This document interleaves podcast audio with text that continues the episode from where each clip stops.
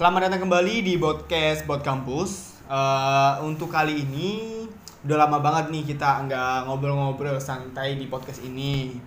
Eh, kemudian pada kali ini kita akan membahas mengenai isu nih, isu feminisme. Kenapa di podcast Bot Kampus ini membahas isu femi- feminisme? Karena biasanya ini isu feminisme itu itu biasanya dikaji oleh beberapa mahasiswa. Jadi ini masih terkait dengan eh, sebuah ya latar belakang mahasiswa gitu. Karena biasanya isu ini biasanya memang dikaji oleh mahasiswa dari internal maupun eksternal gitu.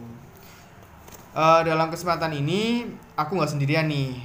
Eh, aku bersama dengan Hanif. Dia jurusan Bahasa Indonesia PBSI dari Universitas Tidar Magelang. Oke, mungkin Hanif silahkan bisa memperkenalkan diri terlebih dahulu. Ya, assalamualaikum warahmatullahi wabarakatuh.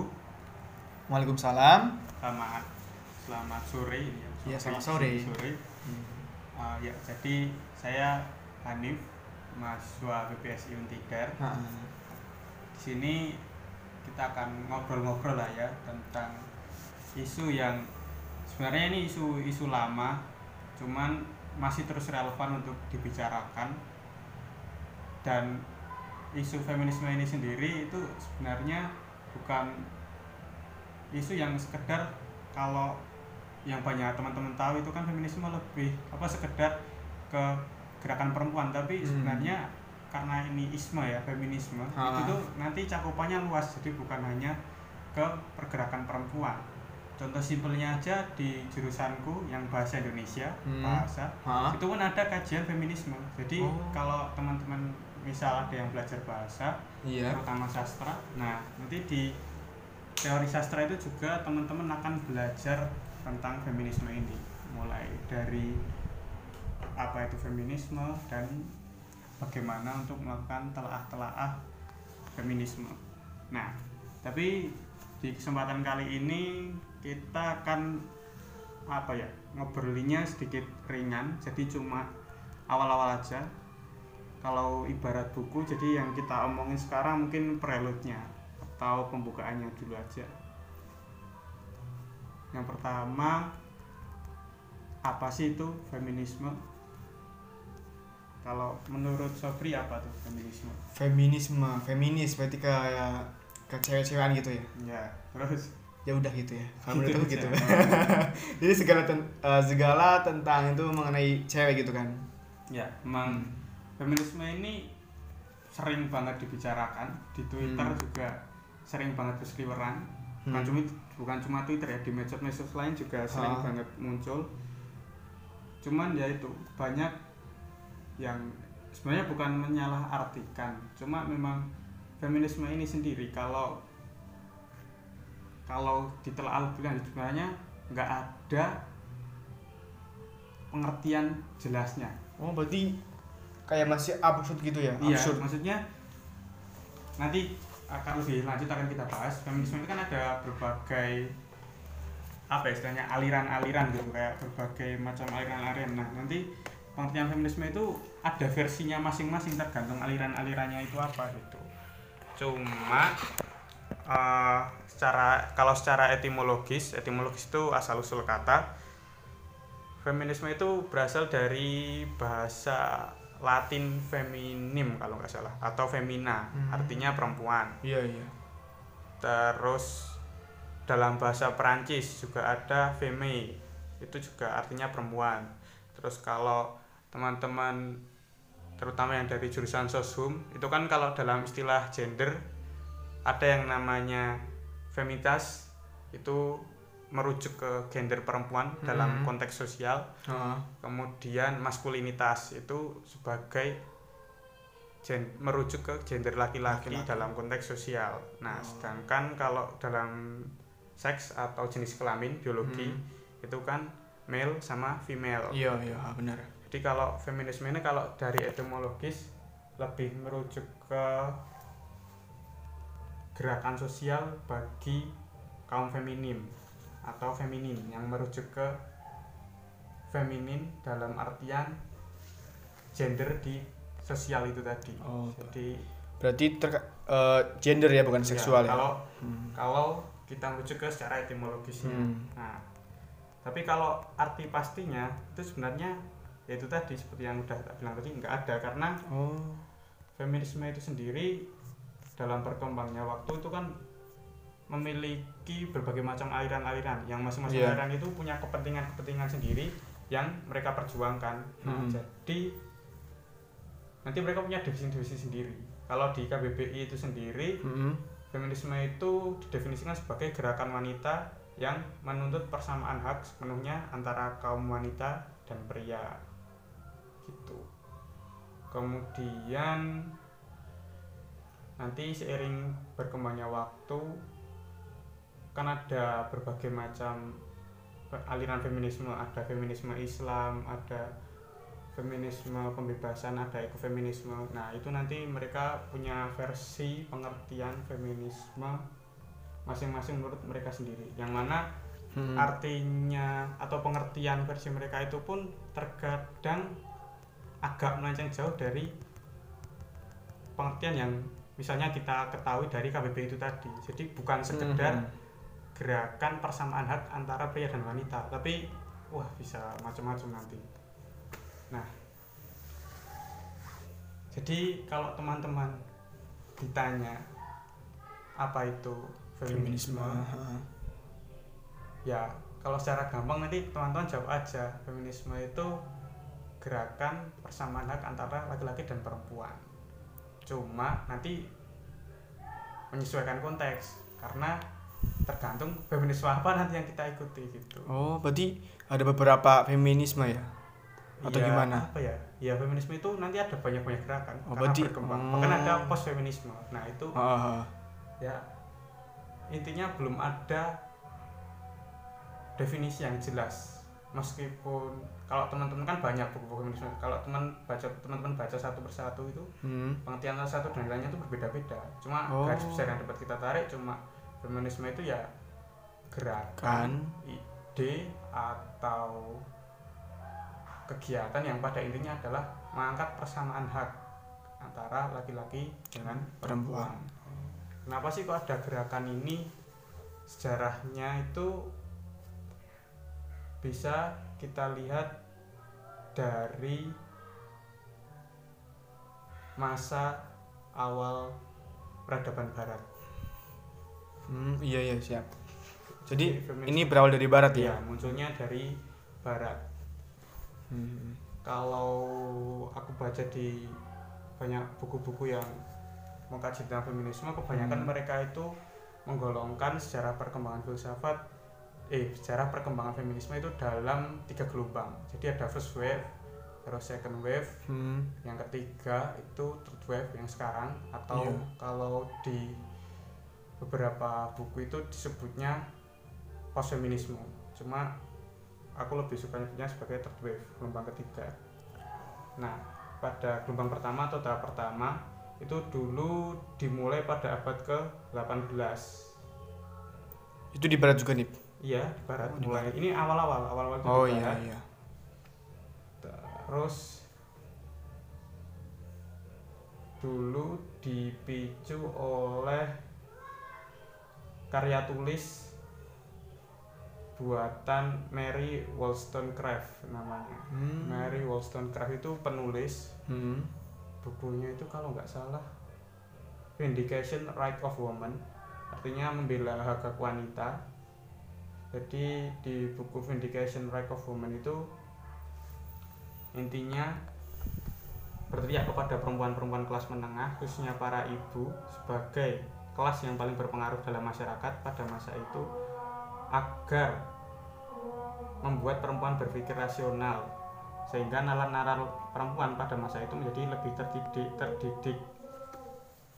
Dan kan kalau pada abad 18 ya terutama Hmm. di barat itu kan peran-peran wanita ketika itu lebih banyak ke peran-peran yang domestik urusannya dengan Rumah Rumah tangga. tangga. Oh iya, Nah. kayak nyapu di dapur dan Jadi- sebagainya ya. Mary Wollstonecraft ini lewat bukunya tadi menyerukan agar wanita itu lebih istilahnya dalam tanda kutip menghidupkan nalarnya nalarnya lah jadi Hmm. dia tidak hanya bekerja di wilayah-wilayah domestik dan juga Mary Wollstonecraft ini juga menuntut agar wanita bisa mandiri dalam segi ekonomi Hmm. sehingga perempuan-perempuan memberikan kebebasan dari martabatnya dan tidak hanya mengandalkan kemampuan untuk mempercantik diri dan Hmm. menarik suami yang mapan. Jadi ketika itu perempuan lebih banyak di domestik, terus ya itu kerjaan perempuan lebih banyak disiapkan untuk bersolek diri Hmm. dan memikat lelaki-lelaki atau pria-pria yang sudah mapan. Itu abad ke-18 ya? Ya, abad ke-18 Hmm. first wave. Nah, pada masa ini eh, gerakan-gerakan feminisme lebih banyak itu tentang ke pendidikan, Hmm. kesetaraan hak belum belum Hmm. banyak lah belum macam-macam intinya masih, Iya, masih iya. sederhana dan itu pun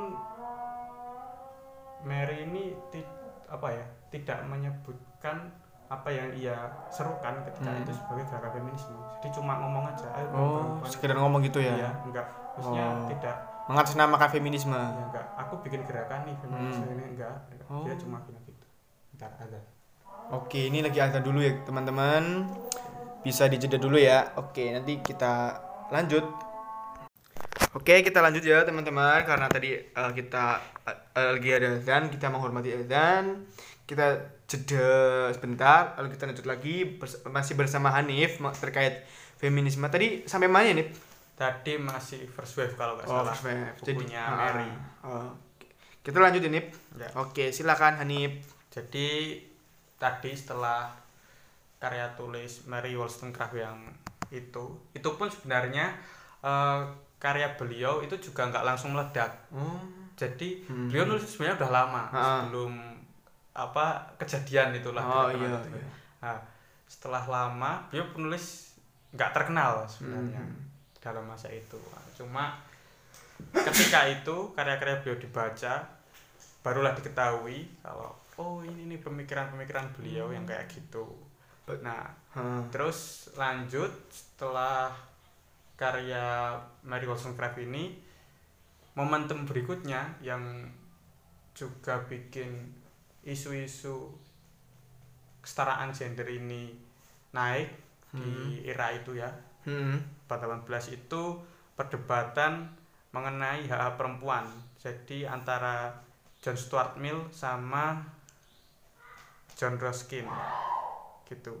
Hmm. jadi eh, di sini mereka itu saling berdebat tentang hak hak perempuan. Sebenarnya kalau seorang tokoh berpendapat namanya Kate Millett itu berkomentar Hmm. dalam bukunya namanya seksual politik itu menyebut kalau sebenarnya itu antara John John John Mill John Stuart Mill maupun Hmm. John Ruskin itu argumen-argumen mereka itu sama-sama anehnya gitu cuma sama-sama memiliki kekhasan lah tentang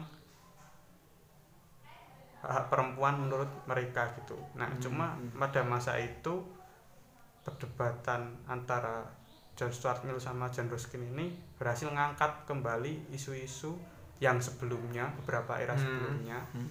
pernah naik lah gara-gara bukunya Mary Wollstonecraft ini. Nah, terus setelah itu di abad 18 ini juga pernah terjadi suatu kasus yang bikin pembahasan mengenai isu-isu gender ini muncul kembali yaitu awal-awal pada pada abad 18 akhir atau mau masuk ke abad 19. Hmm. Gimana itu nih? Jadi waktu itu ada kasus namanya apa ya kasusnya?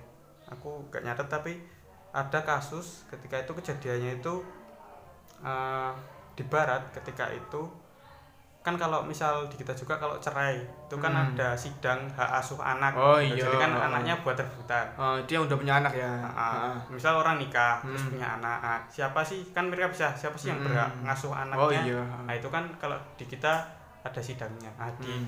era itu di awal abad 18 itu perempuan itu nggak punya hak untuk mengasuh anak Oh. ketika cerai. Jadi anaknya pasti Langsung ke bapaknya. iya Otomatis ikut, ya. ikut, ikut suaminya gitu. Oh. Nah ketika itu ada kasus kayak gini terus akhirnya rame Hmm.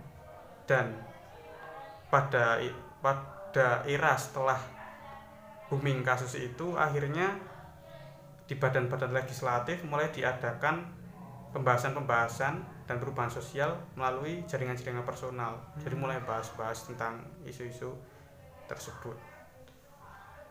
Nah rame itu jadi di barat terus melebar sampai ke Amerika. Kalau di Amerika itu ada yang namanya konvensi Seneca Falls di New York.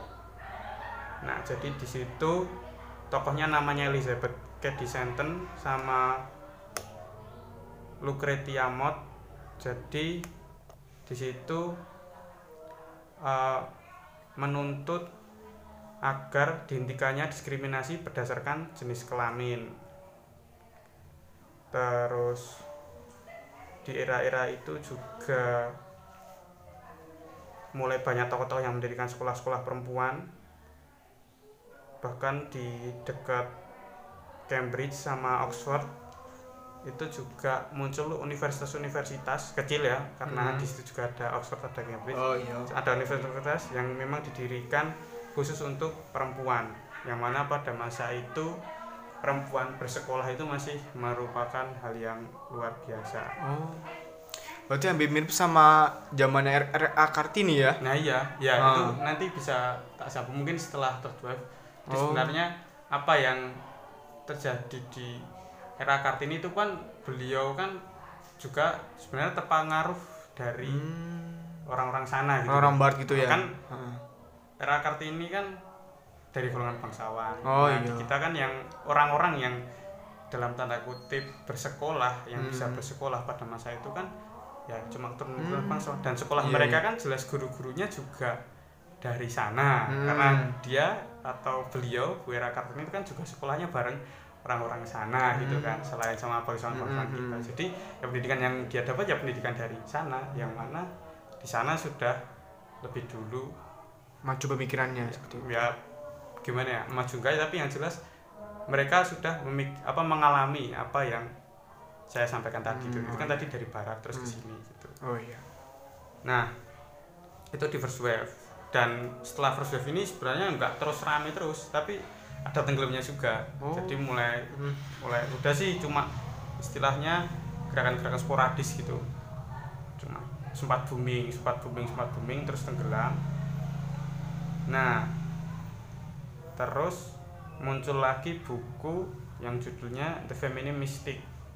Itu ditulis oleh Betty Friedan pada tahun 1963 nah, abad 19 ini mulai awal-awal masuk ke gelombang kedua atau second wave. Second wave. Oke. Terus setelah bikin buku, Betty Friedan ini nggak cuma berhenti tok, cuman berhenti bikin buku itu tok, tapi dia bahkan sempat bikin organisasi perempuan yang namanya National Organization for Women atau NOW pada tahun 66. 66 itu. Ya, bahkan dari tulisan Betty ini itu jugalah yang berhasil mendorong dikeluarkannya Equal Pay Act. Jadi di mana perempuan itu berhak dapat gaji yang sama dengan laki-laki. Oh. Jadi dulu di Amerika ya ini Hah. perempuan itu udah boleh kerja, Hmm. cuma gajinya itu dibedakan di Oh. antara laki-laki dengan perempuan. Dibedakan gitu ya. Iya, jadi pekerjaannya sama, tapi dia Hasilnya beda. ya dapatnya beda Upahnya beda. gajinya. Nah, setelah tulisan Betty ini sama gerakan-gerakan yang dia usung, akhirnya perempuan bisa dapat gaji yang sama. Setara gitu ya. Ya, ya setidaknya dapat gaji yang sama gitu kan. Hmm. Terus berikutnya tahun 71 itu ada The Black Movement atau gerakan kulit hitam. Nah, jadi kalau ini dari namanya udah ketahuan. Jadi The Black Movement Hmm. itu yang menggerakkan perempuan-perempuan wanita kulit hitam. Jadi kayak ras Afrika gitu ya. Iya, Afro Amerikan lah gitu. Ah. gitu. Terus cuma ini gerakannya agak keras ya karena mungkin apa kehidupan yang melatar belakangi orang-orang kulit hitam di Amerika juga keras. Jadi Hmm. kalau di buku yang pernah aku baca The Black Movement inilah yang jadi cikal bakalnya nanti feminis radikal. Oh. Termasuk nanti ada di berikutnya itu gerakan namanya Women's Liberation. Nah itu dulu cikal bakalnya dari The Black Movement. Itu nah pada feminisme gelombang kedua atau second wave ini gerakan-gerakan feminisme mulai muncul di media termasuk media tulis. Di Prancis sendiri Hmm. bahkan ada istilah l'écriture féminine atau feminisme kontemporer yang apa dipelopori oleh ini tokoh terkenal ya terutama kalau apa anak-anak sastra Hmm. dan seni Iya. Simone de Beauvoir Siapa? Simone de Beauvoir Oh, nggak iya. tahu bacanya gimana tulisannya gitu Oh iya iya siap. itu punya karya tulis terkenal namanya Le Dexim Six gitu Hmm. Nah karya beliau ini juga lah yang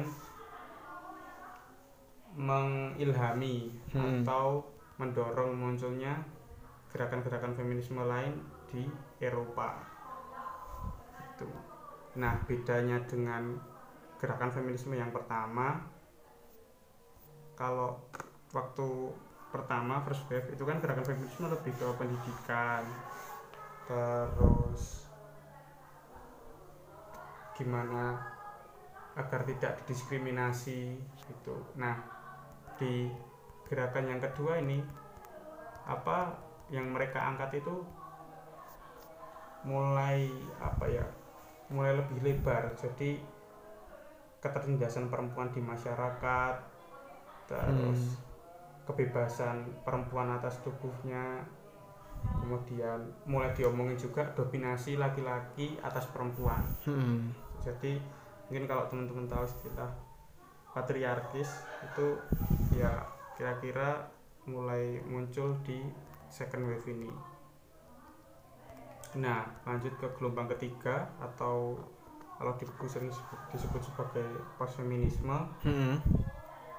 nah itu sebenarnya muncul dari pertikaian antara para feminis itu sendiri.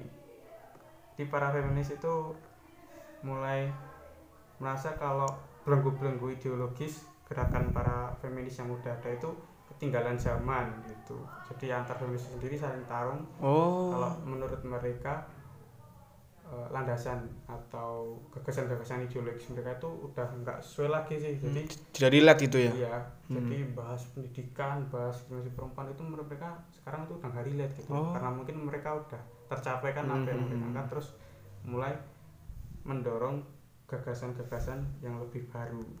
Hmm.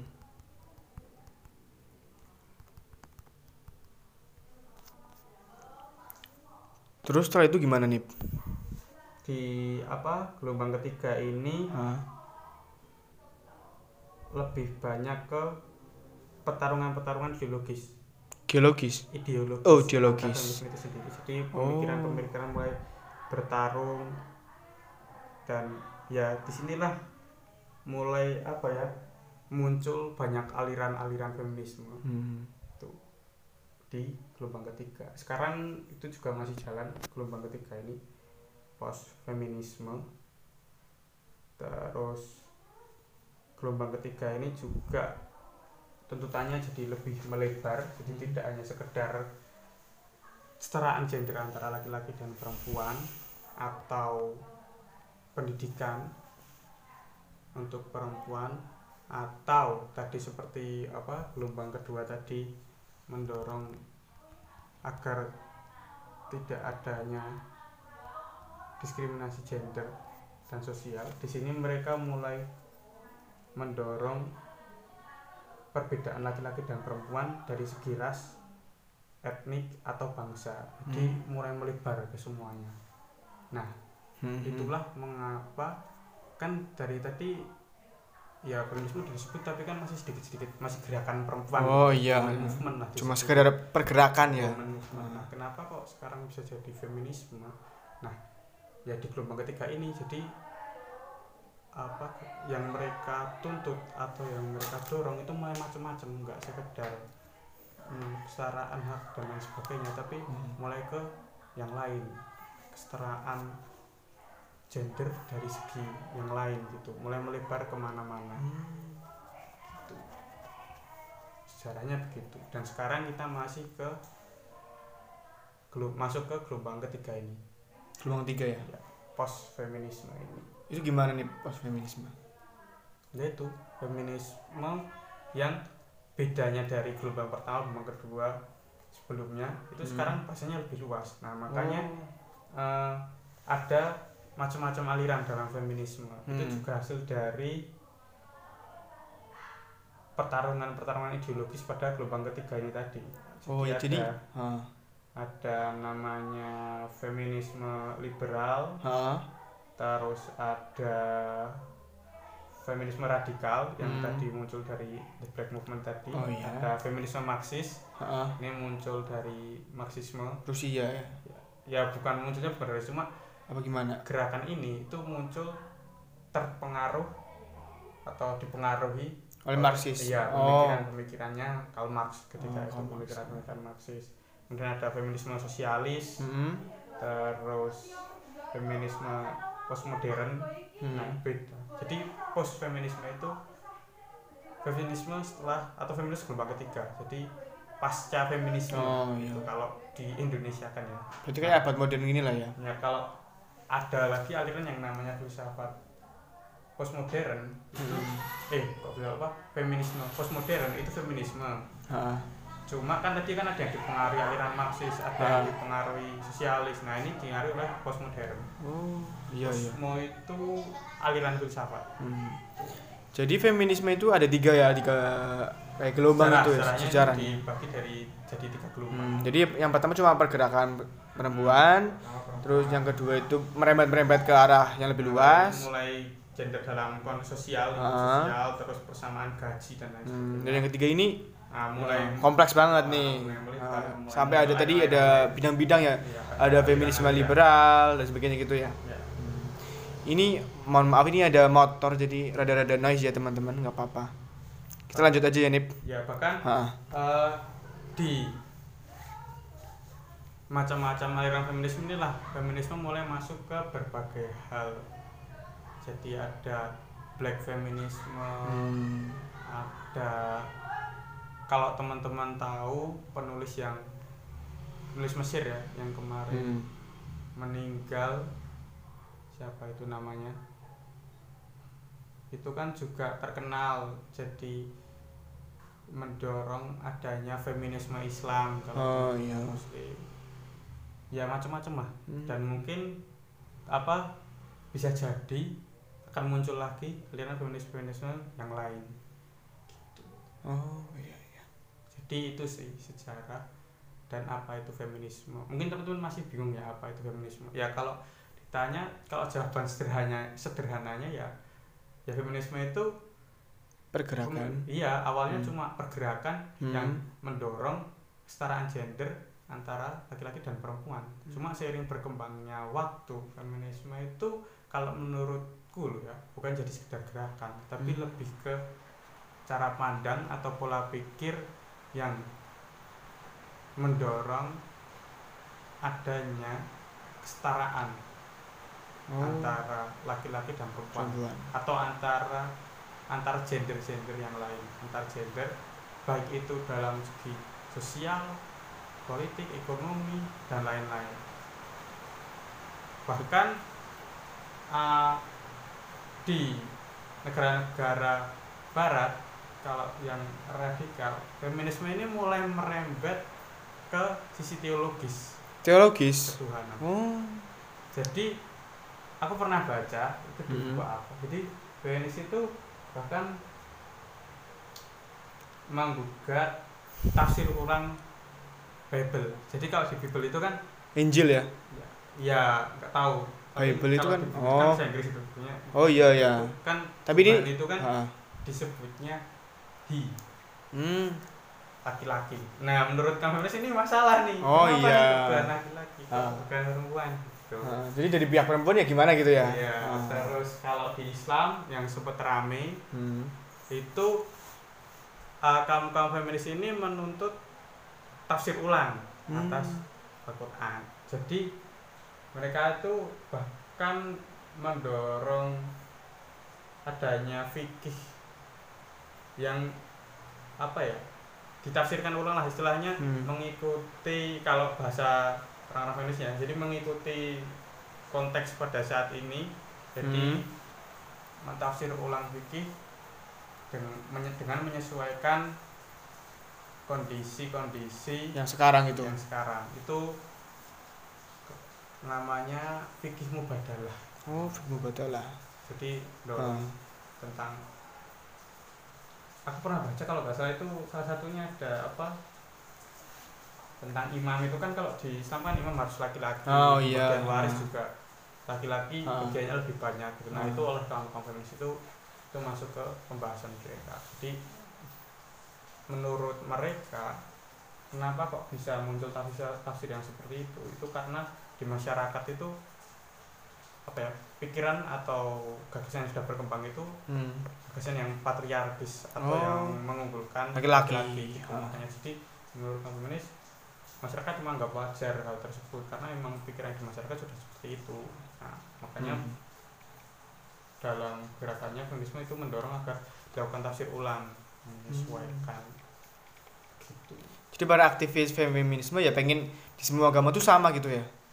Antara laki-laki dan cowok, eh cowok dan laki-laki, antara cowok dan ada. cewek gitu ya. ada aliran feminis yang seperti itu Ah. tapi ada juga aliran feminis yang yang apa lebih fokus ke misal pendidikan dan lain Oh. sebagainya gitu Ya karena kayak kalau emang ranahnya agama ya itu beda lagi ya. Enggak. Cuma kalau aku ngelihatnya eh, ya kalau misal sekedar pendidikan atau apa mungkin itu ya mereka bisa nyebut feminisme cuma kalau bagi aku itu mungkin lebihnya gerakan perempuan aja ya Hmm, hmm, woman movement gitu Oh iya Itu iya. kan lebih gerakan Ah. kalau isme itu feminisme itu kan lebih sudah ke pola pikir gitu Ah. ke pandangan Pandangan gitu ya kalau isma ya. contoh kan misal liberalisme komunisme nah, itu kan itu kan keseluruhan itu Oh iya sih. Lebih kompleks gitu ya. Lebih kompleks Ah. keseluruhan saling berkaitan Hmm. antara faktor yang lain itu antara faktor yang satu dengan yang lain Hmm. Jadi antara aktivis feminisme tadi yang sama yang di Bible atau di Injil gitu, sama yang di Al-Qur'an, tafsir Al-Qur'an, itu berarti dari pihak feminisme menginginkan dikaji ulang gitu ya, biar ada aliran feminis yang menurut seperti itu. Tapi ada yang enggak gitu kan. ya itu karena macam-macam Ah, jadi oh jadi di postmodern ini eh, aliran feminisme itu banyak ya. banyak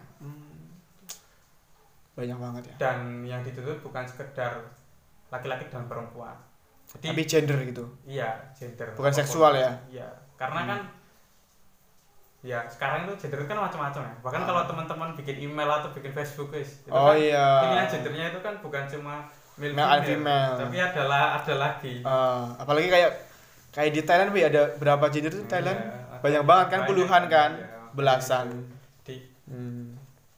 gerakan feminisme mendukung kesetaraan gender Sebenarnya gerakan ini bagus gak sih Nip? Kalau menurut kamu nih, ini pandangan kita, opini kalian, eh opini kalian, opini kamu. kalau ini subjektif banget sih Ah, nggak apa-apa. Hmm. bagus atau enggak kalau menurutku gerakan kesetaraan hak antara laki-laki dan perempuan Hmm. Itu ya bagus-bagus saja kalau Hmm, menurutku iya. cuman kan ketika ya ini mungkin nanti ada teman-teman yang agak gimana cuman ya karena ini pendapat pribadi Ah. dan orang bisa berubah nggak tahu nanti Oh, iya. aku yang lain kalau Benar, benar, benar. anu, mungkin bisa ngobrol kalau mulai menyasar ke yang lain ya menurutku sebenarnya perlu nggak perlu kan gerakan kayak gini Hmm. buat tambahan contoh deh di Indonesia. Kan kita tapi ini yang aku ceritakan ini pendapatku loh ya. Oh ya nggak apa-apa, emang kita beropini kan. Ya, ini, ini Nanti kalau misalnya ada subjektif. pihak yang tersinggung atau gimana ya Sub- subjektif banget. Eh, kembali lagi ke karena ini pendapat kita pribadi subjektif. Kalau gitu. di Indonesia itu kan sering disebut juga eh, feminisme itu awal-awal ketika emansipasi. Iya emansipasi wanita era Hmm. Kartini itu cuman kalau aku melihatnya sebenarnya Indonesia ketika itu mungkin nggak butuh-butuh banget dengan Hmm. apa yang namanya feminisme ini hmm, iya iya mungkin kalau teman-teman dengar omonganku agak naif gitu ya karena aku cowok hmm. cuman ya kalau pendapatku untuk saat ini masih kayak gitu soalnya yang kita ketahui lah kan apa yang diusung oleh Era Kartini itu kan bagaimana perempuan pada masa itu bisa bersekolah. Hmm, hmm. karena katanya pada masa itu perempuan-perempuan itu nggak bisa bersekolah. Hmm, cuma cowok doang ya? Cuma yang perlu kita ingat adalah apa iya ketika itu semua cowok sekolah? Dah oh iya sih benar Enggak kan? sih ketika itu yang sekolah itu tuh ya cuma bangsawan kayak misal kayak aku nih ra- ra- jelat jelatan nih meskipun aku cowok Ah. kalau ya kita meskipun kita cowok ah. kalau ketika itu kita lahir dari pada masa itu iya dari rakyat jelata eh, melihat ya sama aja nggak Nah, sekolah iya sama kayak perempuan, iya sih bedanya. hahaha. dan ini sekolah dalam artian sekolah sekolah Belanda loh ya, ya Hmm. sekolah kolonial lah pada Hmm. masa itu nah sedangkan kan pendidikan yang ada pada saat itu kan bukan sekolah dalam tanda kutip loh ya yang Hmm. ada di situ. Tapi kan kalau kita lihat orang-orang dulu itu kan ada pendidikan lain. Mungkin pesantren. Oh iya itu jadi Ha. kalau ketika itu disebut orang-orang nggak sekolah ya karena memang sekolahnya beda. Sekolahnya bukan sekolah tapi bukan sekolah yang kalau misal sekarang tuh SD gitu ya kayak ya, yang seko- yang ya- negeri ya, gitu lah ya. gini. Sekolah das- dulu itu tuh sekolahnya pesantren pesantren kayak. NU Muhammadiyah SI gitu kan perempuan-perempuan pada masa itu pun juga banyak yang mengenyam pesantren di pesantren Hmm. itu kalau menurutku ya dan Iya. aku juga masih belajar nggak tahu bagaimana Nah, ini cuma beropini lah ya kita opini benar-benar subjektif nih opini pribadi gitu dan ini mungkin agak unpopular opini ya Hmm. hanya ya aku beberapa kali ngobrol hal ini sama temanku dan temanku juga sebenarnya banyak yang ya, berpikiran yang sama? Ya cuk bukan yang mereka pro feminis lah itu Oh. nah kalau aku sebenarnya mandang ini tinggal dari perlu apa enggak gitu kan. Iya iya. Kalau aku karena kebetulan aku tinggal di lingkungan yang dari kecil ya perempuan sama laki-laki itu ya emang sejak awal diperlakukan secara istilahnya sama gitu ya, Sama. setara jadi di keluarga aku pun enggak harus ayah yang kerja oh berarti ibu, yang bisa merawat anak hmm. di keluarga aku itu ibu yang bekerja Hmm. bapak ngerawat anak kalau misal lagi ada kesibukan lainnya bapak Hmm. yang bekerja ibu yang ngerawat anak di rumah pun aku punya saudara cewek Hmm. Hmm. itu juga nggak mesti yang masak adikku terus yang bener-bener lampu atau Oh, apa. iya. itu aku tapi adikku juga Ah. bisa bener-bener lampu bisa benerin lampu lah apa yang yang kalau orang-orang kira itu Pekerjaan. pekerjaan yang cenderung ke cowok gitu. Ah. terus aku juga bisa masak nyuci baju dan lain Oh. sebagainya yang orang-orang kira apa itu cowok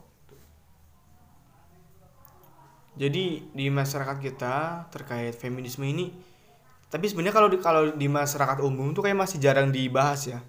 sebenarnya ini Apa gimana? kalau aku loh aku melihat dari Hmm. perkembangan di sosial media kita sebenarnya udah banyak sih bahasan-bahasan Tapi di media gitu ya. media. Kalau di Hmm. masyarakat langsung mungkin karena kita kita ini kan di Oh. kota yang yang ya istilahnya bukan bukan pusat kota lah ya Oh iya. kita kan di kota pinggiran Hmm. kota kota kecil Hmm.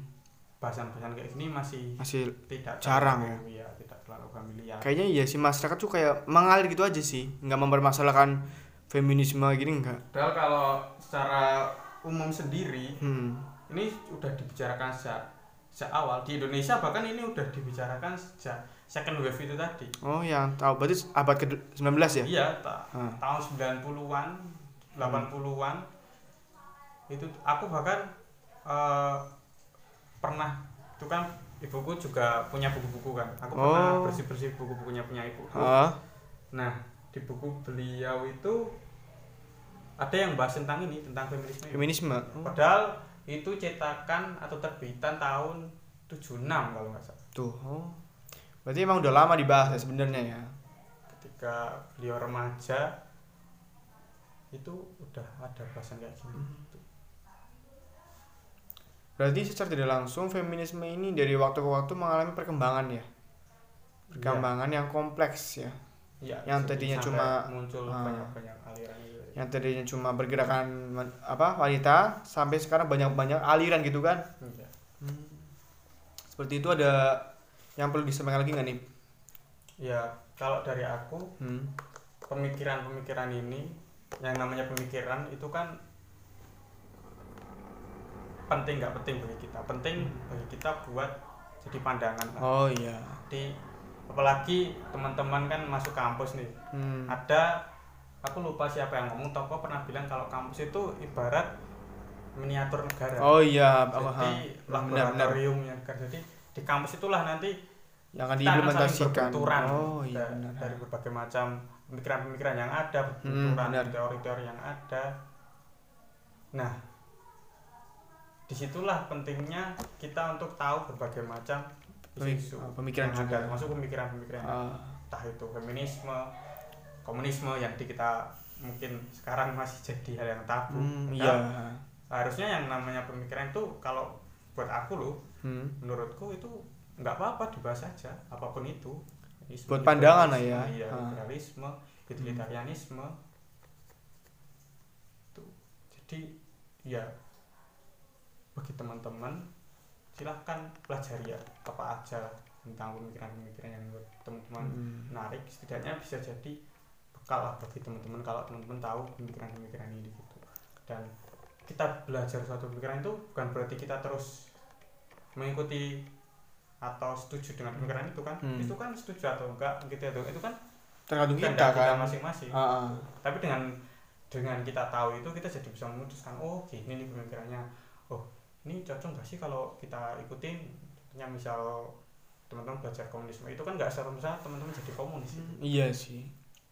Teman-teman Benar, benar. bisa oh ternyata kalau menurut komunisme itu gini gini gini gini gitu Hmm. karena kan tokoh-tokoh kita dulu Tan Malaka Pak Karno dulu itu kan mereka juga ya tahu aliran-aliran seperti ini Ah. mereka juga belajar pemikiran-pemikiran seperti sehingga Iya sih.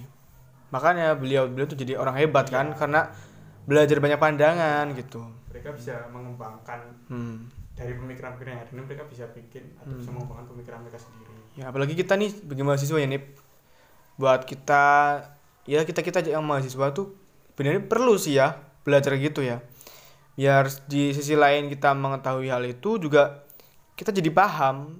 Jadi eh, otak kita, pemikiran kita tuh berkembang ya. ya seperti itu dan kalau ada isu-isu seperti ini kita tidak terombang-ambing kan Iya. jadinya kita jadi bisa punya landasan lah ya punya iya punya Pegangan. landasan, punya pendirian Ah, kalau teman-teman mungkin ada teman yang katanya bisa nge-step hmm, pendirian teman-teman pemikiran Iya. teman-teman bisa Benar, benar, declare gitu.